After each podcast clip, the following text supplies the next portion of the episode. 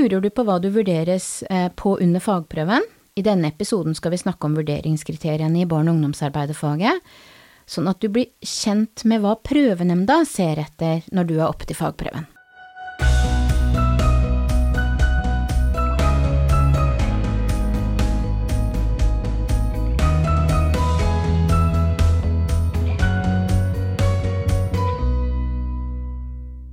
Velkommen til denne episoden av Lærlingbua.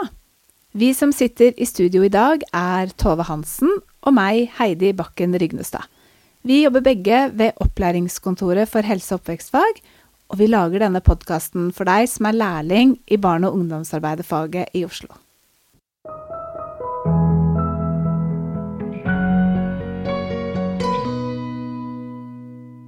Vurderingskriterier, hva er det? Og hva sier vurderingskriteriene noe om? Det er temaet i dag. Ja, så gøy, Tove. Vurderingskriterier. Hvem er det som egentlig har laget de? Det er laget av eh, en gruppe som er henta fra bransjen, altså de som jobber eh, ute med barn og ungdom. Og jeg vet at du også satt i den gruppa. Så du Jeg- har bidratt inn i å lage vurderingskriteriene.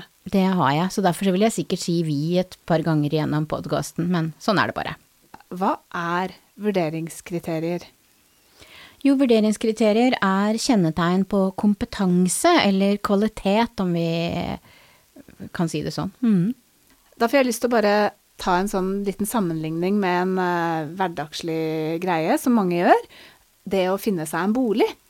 Fordi når man skal eh, Ja, kanskje man skal flytte for seg selv for første gang, så er det jo ikke sånn at man eh, bare går inn på finn.no, og så tar man den første og beste som dukker opp. Man har jo noen kriterier. Vi snakker jo her om vurderingskriterier, og man bruker jo det også når man skal finne seg et sted å bo.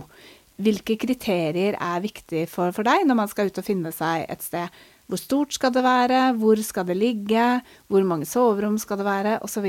Og alt dette er jo kriterier som man tar vurdering på før man tar det endelige valget om, om hvor man skal flytte. Sånn er jo også kriteriene på, på fagprøven i barne- og ungdomsarbeiderfaget. Mm. Det er enkelte ting man skal måles på, rett og slett. Ja, for i alle fag eller undervisningsopplegg så er det vurderingskriterier. Eh, vurderingskriteriene er ved siden av kompetansemålene, og det er et viktig verktøy for å nå læringsmålene. Vurderingskriteriene dine er jo da kjennetegn på grad av måloppnåelse. Og på fagprøven så skiller de mellom bestått og bestått meget godt. Så man kan altså gå inn i vurderingskri vurderingskriteriene, og så kan man lese seg fram til hva må jeg gjøre for å bli vurdert til bestått, og hva må jeg gjøre for å bli vurdert til bestått meget godt. Mm. Står det så tydelig der? Ja, det det så faktisk. Kult, da. Ja. Jeg har jo vært inne og sett på det her dokumentet, Mm. og det er jo mange punkter. Det er veldig mye man skal kunne noe om. Ja. Skal man kunne alt det når man er oppe til fagprøve? Ja, eh, det er liksom den totale kunnskapen din som du skal kunne når du er ferdig utdanna. Eh, Men på fagprøven så trekker de ut da eh, de kriteriene som er tilpassa den oppgaven du får. Så det er jo nesten som når jeg skal opp til La oss si jeg leste nyere historie og skulle opp til eksamen, da. Så på muntlig så er det viktig at jeg kan at jeg kan hele pensum, at jeg kan alt om verdenskrigene og politiske ideologier og industrialismen osv. Men industrialiseringen. Men, men jeg vil jo ikke bli spurt om alt. Det vil ofte plukkes ut et tema eller, eh, som jeg vil bli spurt ekstra om. Men jeg må likevel kunne alt. Ja, for du vet jo ikke hva de vil spørre om. Men det vil også prøvenemnda gjøre. ikke sant? De vil trekke ut enkelte vurderingskriterier som er viktige for din fagprøve. Så Mm. oppfordringen er jo nesten til deg som er lærling, er å når du skal opp til fagprøven, les oppgaveteksten, men les også vurderingskriteriene, for det er jo der det står akkurat hva prøvenemnda vil se i din besvarelse og din gjennomføring. Nå er det jo sånn at eh, vurderingskriteriene eh, i Oslo, da, de er bygd opp litt annerledes enn at det er kompetansemål for kompetansemål. Som vi har delt inn istedenfor eh, alle de kompetansemålene som eh, ligger der, så har vi delt inn i seks hovedområder. Og vi tenkte vi skulle bruke denne episoden på å snakke litt gjennom hva som ligger innunder de forskjellige hovedområdene. Og det første er jo da pedagogisk arbeid, og det handler om kunnskapen eh, din da i forhold til hva du kan om barns utvikling på alle utviklingsområder. Det handler om å kunne planlegge, gjennomføre og evaluere eh, aktiviteter. Eh, I tillegg til det så handler det litt om menneskesynet ditt, hva som er forventa at du har, og dette med å tenke medvirkning, både medvirkning for barn og unge, men også foresatte, f.eks. For eksempel. Hovedområde to heter yrkesutøvelse, og det handler om selve utføringen av yrket. Og det er jo å ha kunnskap om lekens betydning. Det handler om at du skal kunne sette grenser på en god måte. Det handler om å kunne motivere gruppa som du jobber med, og at du har kunnskap om din egen rolle, og at du kan samarbeide. I tillegg ligger dette med yrkesetikk innunder området som heter yrkesutøvelse. Eh, hovedområde tre handler om kommunikasjon.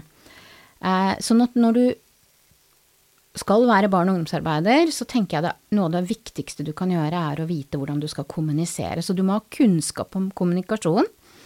Eh, du skal kommunisere på en måte som skaper trygghet til den du snakker med, eh, og er grunnlaget for en god relasjon. Eh, og så skal du tilpasse språket ditt etter den du prater med. Snakker du med en, en toåring, så snakker du med en toåring. Snakker du med en ungdom på 16 år, må du tilpasse språket ditt til det. I tillegg til det så handler det noe om å være bevisst på kroppsspråket sitt, og du må kunne lytte. Og så skal du kunne formidle et budskap. Og så må du bruke anerkjennende kommunikasjon. Og så syns jeg at hovedområdet tre og fire ligner litt på hverandre. I mm. hovedområdet fire, som heter samhandlingskompetanse, så det ligger jo selvfølgelig mye kommunikasjon her. Men det er brutt opp, fordi under samhandlingskompetanse eh, ligger det bl.a. dette med relasjonsbygging. Og det er både den relasjonen man selv har til de barn og unge man jobber med, og det å skape gode relasjoner også mellom eh, barna, eller mm. mellom de unge. Det handler om å forstå hvordan din egen væremåte påvirker omgivelsene, og om å veilede barn og unge i ulike samhandlingssituasjoner og i konflikter. Hovedområde fem er HMS, som står for helse, miljø og sikkerhet, men det skal man jo også tenke på. Og det er alt fra førstehjelp til ergonomi. Eh, du skal kunne foreta en risikovurdering, altså vurdere faremomenter i en uh, situasjon. Og så skal du kunne noe om brannvern og smittevern. Det siste uh, hovedområdet heter forebygging. Og under hovedområdet forebygging så er det vurderingskriterier som handler om omsorg. Det handler om hvordan man kan legge til rette for å ivareta god, god helhetlig helse. Det handler om inkludering, som på en måte er å forebygge for ekskludering, type forebygge mobbing osv. Det handler om ernæring, å gjenkjenne tegn på omsorgssvikt og eventuelt varsling med mistanke om det. Så under forebygging så er det punkter og vurderingskriterier som handler både om det man skal gjøre på egen hånd, og det man skal gjøre i samarbeid med foresatte og andre faginstanser. Og jeg vil jo på en måte si at disse vurderingskriteriene og disse hovedområdene oppsummerer på en fin måte både de synlige kvalitetene ved barne- og ungdomsarbeideren, den som gjennomfører aktiviteter og planlegger de og evaluerer de og, og gjennomfører alt det som måtte skje fra, fra morgen til kveld i en arbeidsdag. Og så handler det også om de litt mer sånn usynlige kvalitetene. Den barnesynet man har, hvordan man ivaretar medvirkning, hvordan man kommuniserer, og den litt mer ja, usynlige delen av eh, yrkesutøvelsen som barne- og ungdomsarbeideren gjør. Så hvis vi skal oppsummere denne episoden da, Heidi, mm. så kan vi jo starte med å si at eh, kriteriene er like viktige som oppgaveteksten din på fagprøven. Fordi det er i kriteriene du finner ut hva prøvenemnda ser etter i besvarelsen din. Ja, og det er kriteriene som beskriver grad av måloppnåelse. Og så skiller kriteriene på bestått og meget godt bestått. Og på fagprøver her i Oslo så er det seks ulike hovedområder som prøvenemnda plukker da aktuelle kriterier fra.